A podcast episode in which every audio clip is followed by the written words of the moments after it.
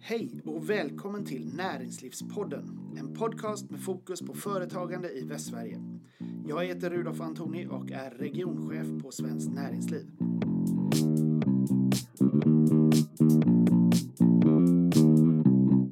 Ja, då sitter jag här med Lars Hjälmered som är riksdagsledamot från Göteborg, ordförande i näringsutskottet och Moderaternas näringspolitiska talesperson. Välkommen till Näringslivspodden. Mm, tack så mycket. Tack för att ni har bjudit in mig. Eh, jag tänkte tala med dig om eh, några frågor här idag.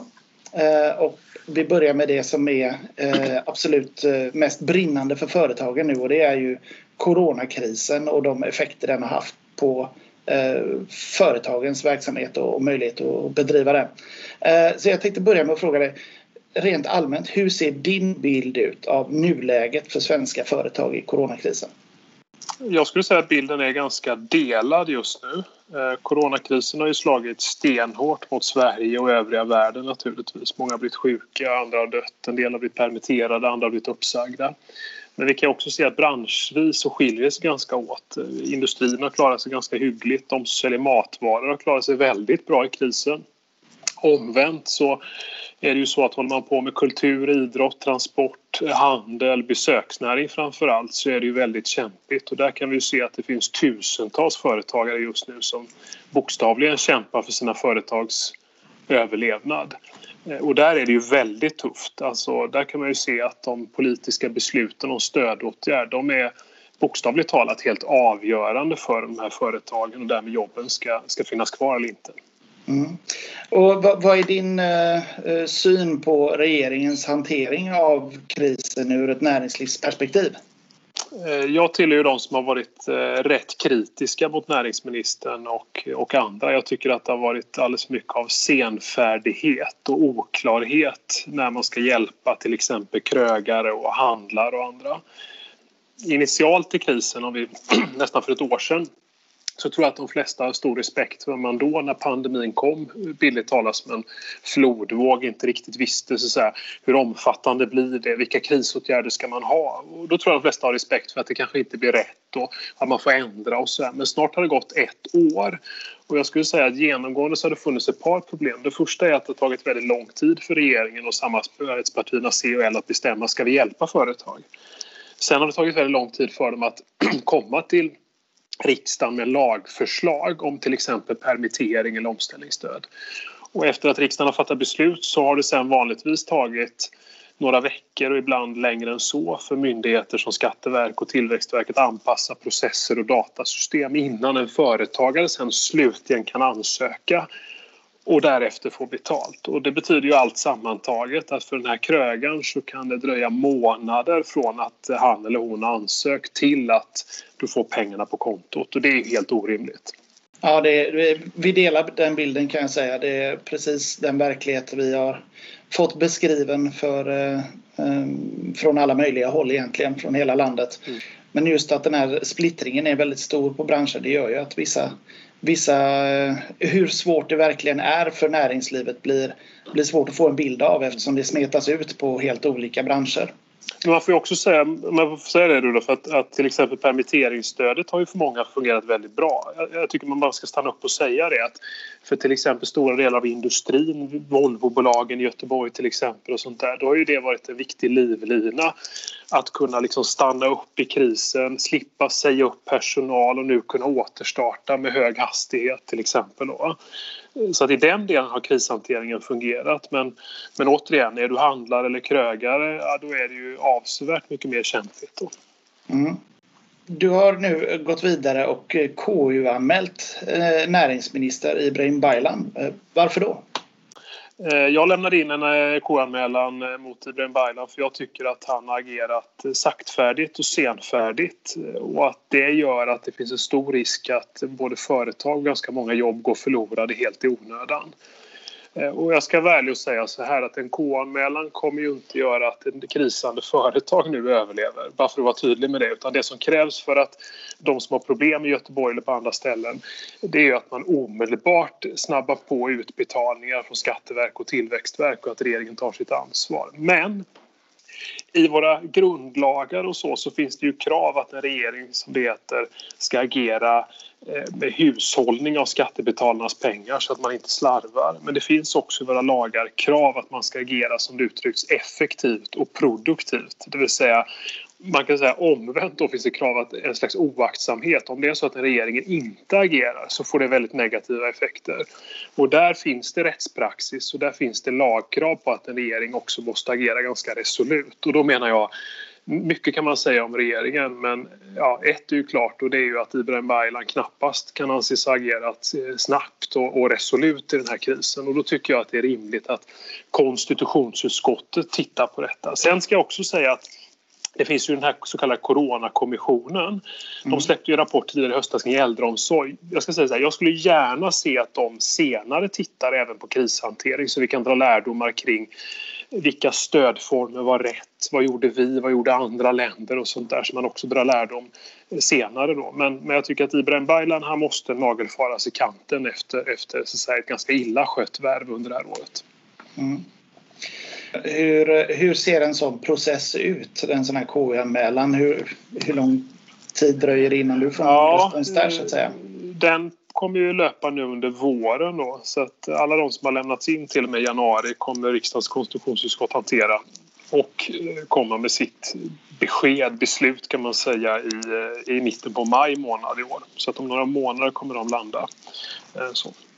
Och då kan det ju finnas eh, kritik. Det var det till exempel förra året. Nämnde Baylan blev ju prickad av konstitutionsutskottet förra året i en annan näringspolitisk fråga. Det gällde en gruvetablering i Norrbotten där ju, där ju konstitutionsutskottet kunde konstatera att, eh, som de uttryckte, han hade inte gjort någonting, alltså någon handläggningsåtgärd på tre års tid med det gruvärendet. Och då konstaterar KU att så kan man alltså inte göra utan du måste driva ett ärende framåt. Och det här är ju lite liknande kan man säga bara det att effekten är så ofantligt mycket större nu i coronakrisen. Mm.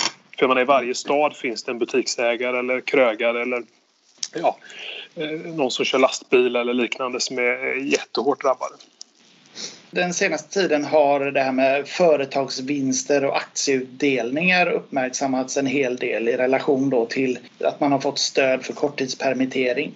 Vad, vad är din syn på den relationen?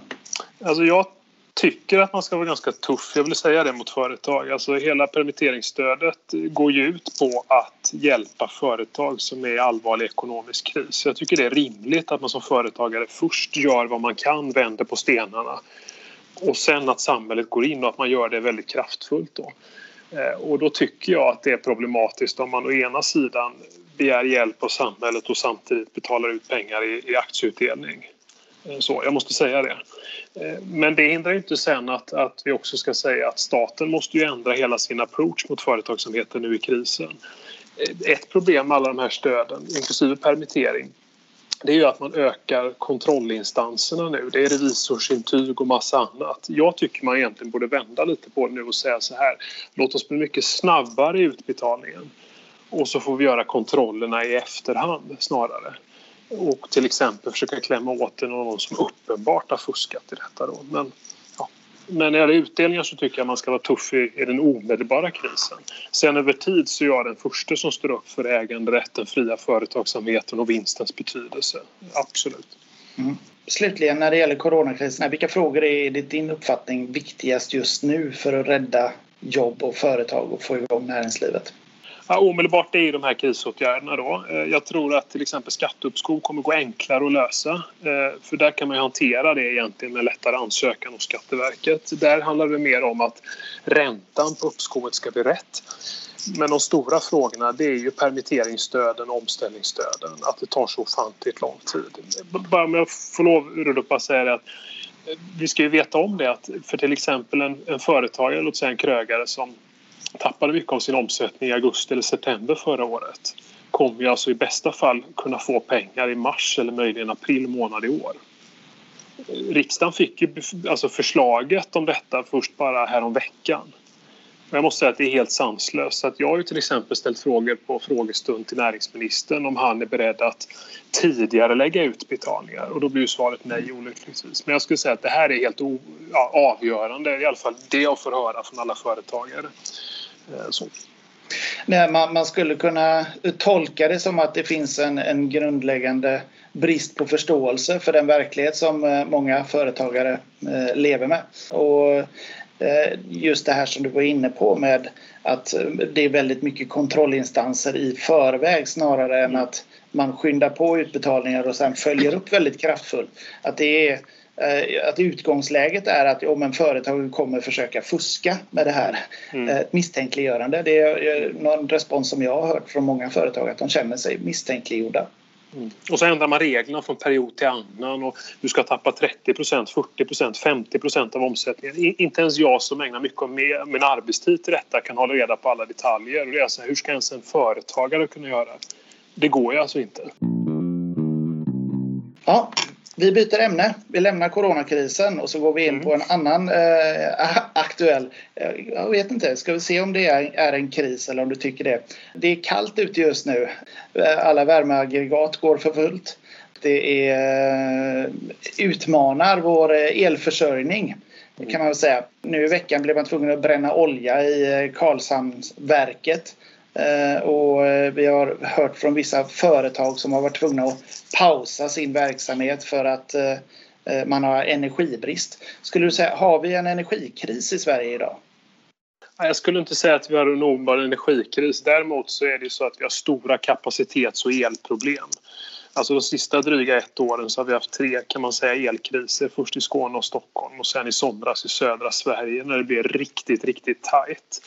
Och det som egentligen har hänt har ju varit det att man har gått från ett läge där så att säga, el alltid varit en av de bästa konkurrensfördelarna i Sverige.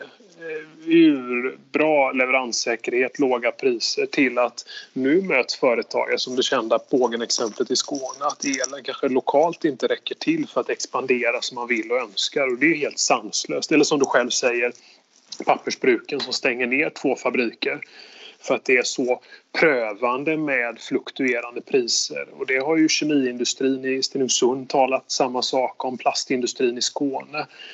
Och det är oönskat på alla håll och kanter naturligtvis detta för det påverkar ju självklart då när man fattar investeringsbeslut. Kommer nya jobb till Sverige eller inte? Och då blir det helt plötsligt att någonting som alltid har varit en fördel inte lika tydligt en fördel och då måste ju vi agera politiskt för att vända detta. Det här är helt sanslöst. Mm. Jag har läst att du har kallat stängningen av Ringhals 1 för ett historiskt misstag. Kan du förklara resonemanget där? Ja, det är egentligen av ett par skäl då. Alltså för det första så eh, skulle man kunna med Ringhals 1 eh, producera jättemycket elektricitet med låga klimatutsläpp.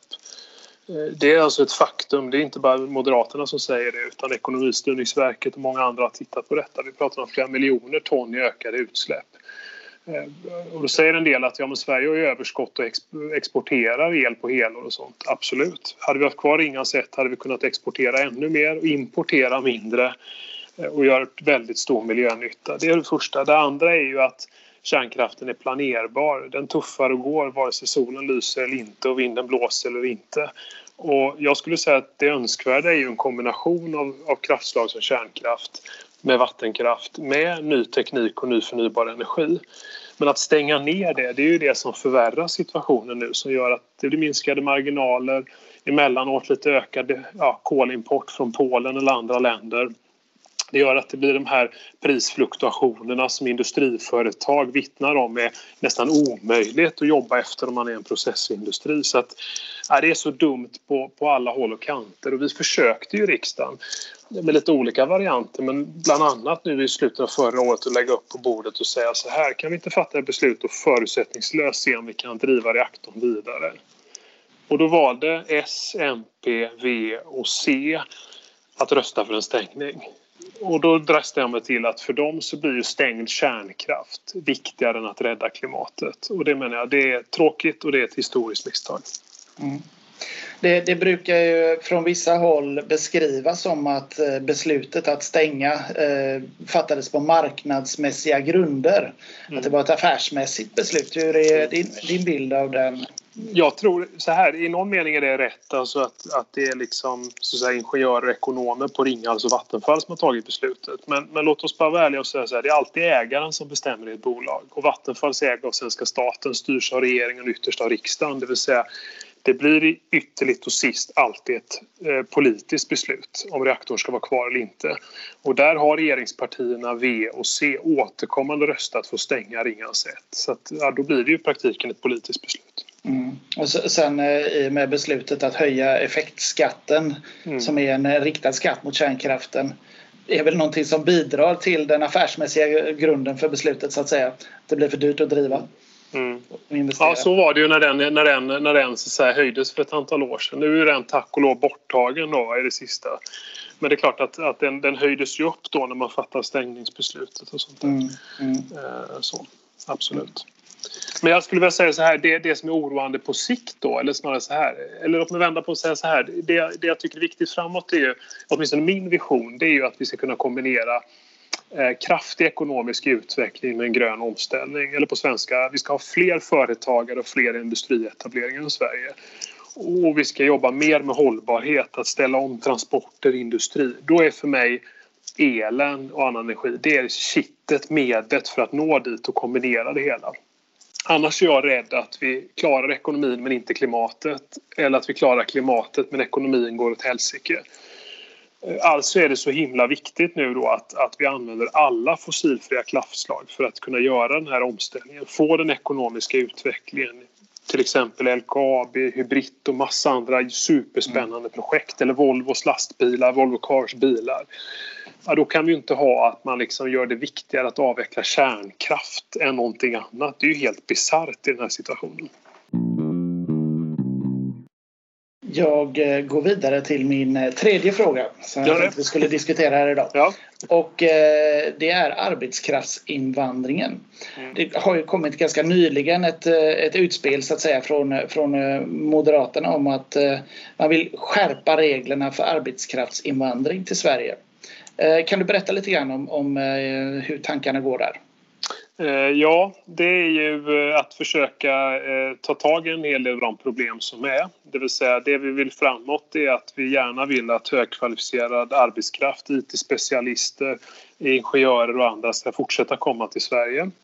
Samtidigt täppa till och ta tag i en del av de problem som har funnits med arbetskraftsinvandringen hittills och just nu. Och vad är det då? Ja, exempelvis så säger dagens regler att man kan komma till Sverige och klara sig på en lön med 13 000 i månaden. Det finns inga krav på att du ska kunna försörja anhöriga som kommer hit. Det har funnits i praktiken obegränsade möjligheter att ta hit människor att jobba med personlig assistans. Och allt detta sammantaget har sen kunnat visa sig vara att, att man då ger nästan obegränsad access till den svenska välfärden utan att man med arbetar och betalar skatt för sig. Då har vi sagt att det där är sådana problem där vi inte kan acceptera utan vi måste hantera. Och därför har vi då föreslagit ett antal saker, till exempel att du ska inte kunna komma som arbetskraftsinvandrare för assistansen. Eh, att det där med 13 000 i månaden, eh, det kan vi inte acceptera utan kraftigt måste höja lönen för att du ska berätta att komma till Sverige. Och vi tycker också att man ska införa ett eh, försörjningskrav, det vill säga om du kommer som IT-specialist men också kanske vill ha med en partner eller ett barn, då måste du också kunna påvika att du har en ordentlig bostad och en ordnad inkomst. Och det här är ju både för att skapa en tillit men det handlar också om att folk ska arbeta och, och göra rätt för sig. Eh, och det är också tycker jag att man kan faktiskt ta en diskussion och säga att all arbetskraftsinvandring, man måste kunna säga att det är inte lika viktig. Utan att det finns ändå mer kvalificerad arbetskraftsinvandring som är viktigare än annan. Mm. Men du tycker inte att, att det är företagets efterfrågan helt enkelt som ska driva eh, i vilken mån vi har arbetskraftsinvandring snarare än att det ska regleras från statlig eller myndighetshåll. Ja, för länge sedan så fanns det ju ändå krav från så att säga, fackligt eh, acceptans och liknande. Den är ju borttagen och det tycker vi är bra att man inte har kvar någon slags arbetsmarknadsprövning på något sätt. För det är ju riktigt att det, att det får vara arbetsgivaren som, som avgör det hela. Eh, så. Eh, Däremot så tycker jag ändå är att, jag måste säga det, att, att vi har ju haft ändå ett problem att, vilket också skvätter på oss själva, det vill säga människor har kommit till Sverige och de har arbetat och gjort rätt för sig så det ska inget uttala om saken. Men jag måste säga att det är ett problem att vi har ändå haft en hög arbetslöshet i Sverige. Människor som inte har tagit lediga arbeten inom restaurang, eh, skogs och jordbruk och liknande. Och som man samtidigt då öppnat upp för arbetskraftsinvandring utifrån. Det är för mig ingen protektionism att säga att man per se ska förbjuda. Jag bara menar att vi, vi utöver reglerna för arbetskraftsinvandring så är jag övertygad om att vi måste göra en, en reform vad gäller bidrag och inkomstskatter. Mm. Så att människor uppmuntras mer att faktiskt ta lediga arbeten, flytta till lediga arbeten. Eh, för frågar du de som är lantbrukare eller skogsbruk eller liknande så finns det ju mängder av jobb som inte blir utförda. Och samtidigt har du mängder av människor som säger så här, jag hittar inga jobb. Är inte det då en bättre ända att börja i så att säga? Att, att driva på incitamenten mm. för, för att få ut människor som är arbetslösa i arbete snarare än att strypa tillförseln av kompetens till företagen? Ja, alltså jag skulle så här, vi föreslår ju båda två eh, och sen har vi föreslagit en ganska hög lön. Alltså vi har sagt att, att man ska ha ungefär 30 000 i månaden för att ha möjlighet att arbetskraftsinvandra till Sverige. Och då som du ändå antyder det är ju ändå det att några branscher och företag antyder att det är kanske lite högt om man jobbar i vissa sektorer. Det har jag, det är jag den största respekt för. Och man kan säkert diskutera exakta nivån detta hamnar, hamnar på. Men för oss så är det ju då att vi vill göra, vi vill ju sänka inkomstskatterna, vi vill göra en bidragsreform med bidragstak och så vill vi stoppa ett antal, vi menar typ assistans och liknande som vi överhuvudtaget inte ska ha. Och sen vill vi höja det här inkomstkravet då. Sen förstår jag att alla inte tycker det är fantastiskt i varje del. Men sen är frågan vad är alternativen då? Det var de frågorna jag hade om eh, arbetskraftsinvandring. Vi har betat av eh, energipolitiken och coronakrisen. Det är ganska rappt gjort på under en halvtimme. Mm. Eh, Lars Hjälmered, tack så hemskt mycket för att du medverkar i Näringslivspodden. Tack så mycket. Du har lyssnat på Näringslivspodden, en podcast om företagande i Västsverige. Jag heter Rudolf Antoni och är regionchef på Svenskt Näringsliv.